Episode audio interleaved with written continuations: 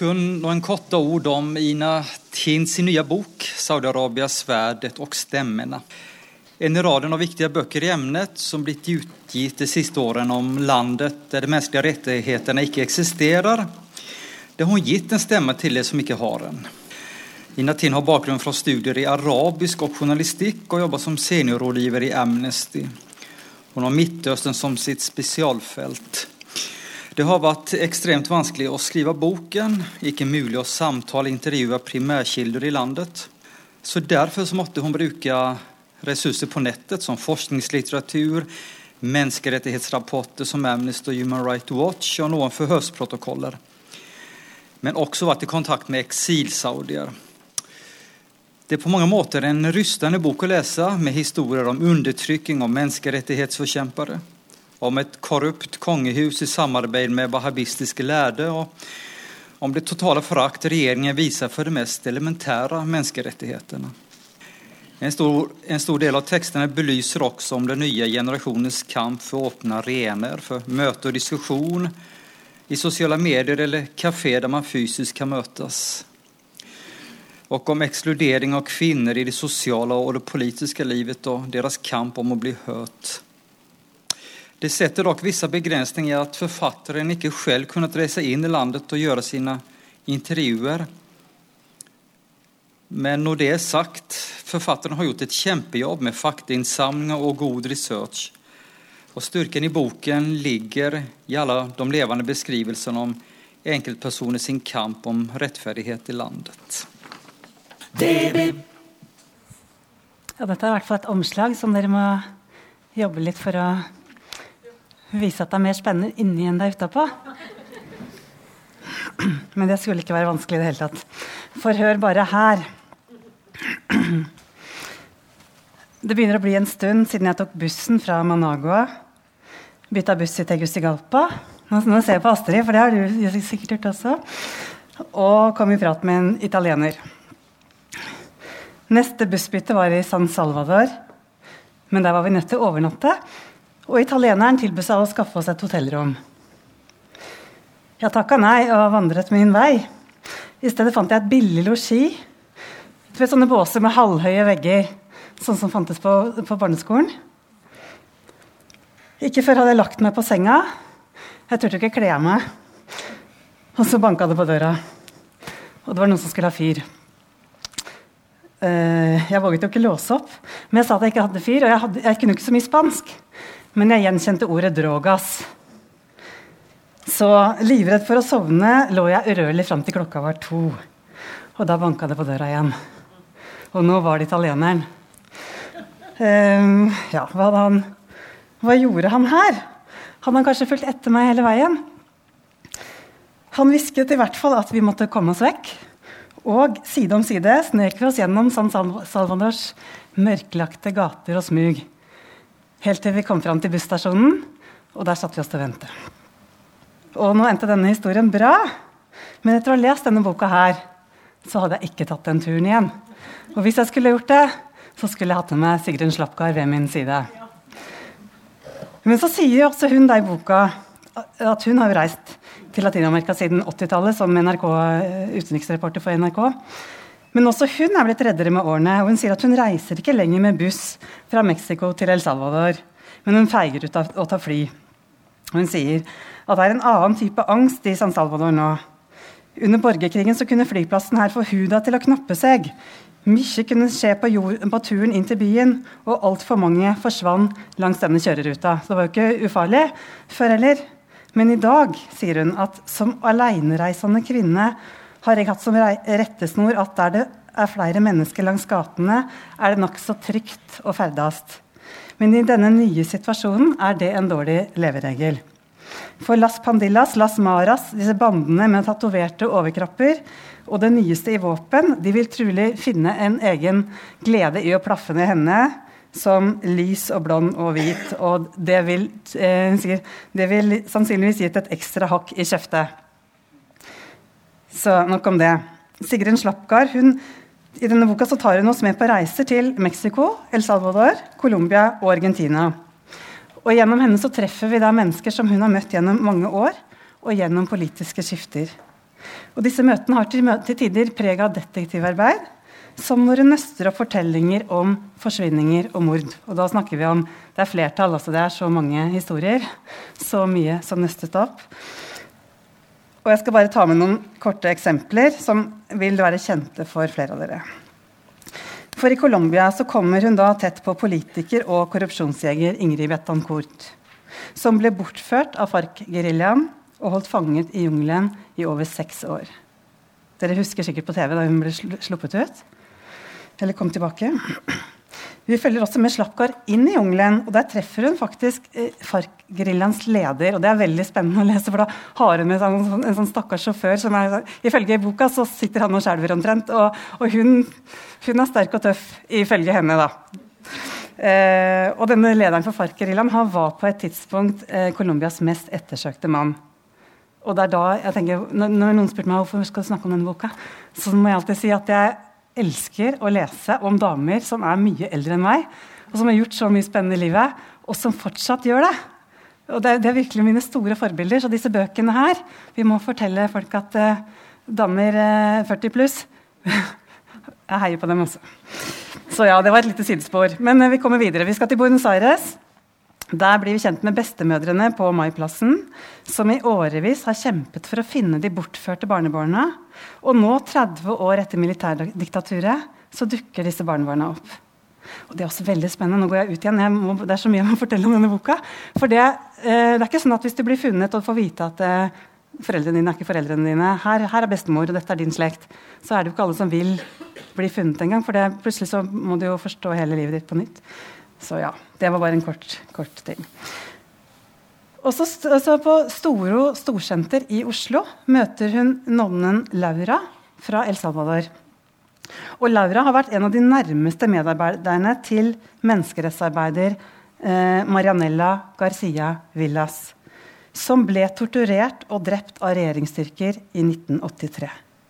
Og både Marianella og Laura, som da eh, hun møtte på Storå, begge de to har vært viktige støttespillere til erkebiskop Romero, som ble skutt og drept under en messe tre år tidligere, og som i dag er kåret til helgen. Så hun, hun møter det er store, sterke mennesker og enorme historier som rulles opp.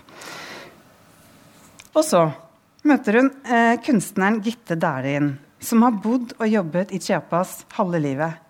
Og med kreftdiagnosen over seg kjemper Gitte da mot klokka for å rekke å få ferdig kunstverket 'Flokk'. Og hvis dere er interessert i det, Jeg ble veldig interessert i det. hva jeg leste, Så fins den i dag på et jorde i Sør-Fron i Gudbrandsdalen. Husk på det hvis dere kjører i den retningen. Ja, jeg kunne fortalt veldig veldig mye mer. For meg var dette fjorårets mest engasjerende bok. Hvem skulle trodd det? Ut fra omslaget. Så er dere bitte litt interessert i Latin-Amerika og veldig interessert i hva voksne damer kan ösa øse ut av kunnskap og mot og ureddhet, så les denne boka her.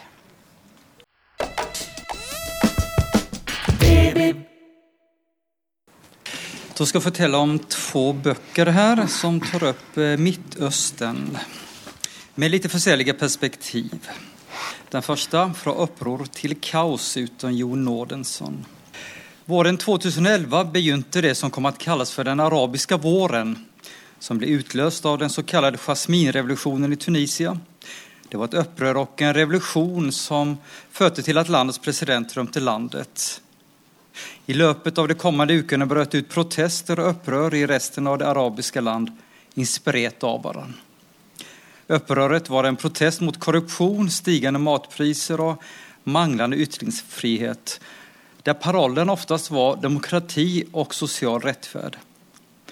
Den kom till att svepa som en vind genom ett flertal arabiska land med försäljning, intensitet och tyngd. Men hur kunde det ske? Och var det verkligen unga aktivister med hjälp av sociala medier som tände gnistan? Hur hänger den arabiska våren samman med den islamska staten? Och icke minst, vilken utveckling kan vi förvänta oss i regionen framöver? Detta är spörsmål Jon Nordensson vid UiO i sin ytterst eleganta och faktaspäckade bok försöker att besvara. Eller för att säga det enkelt, vad den arabiska våren egentligen var, och varför gick det så galt.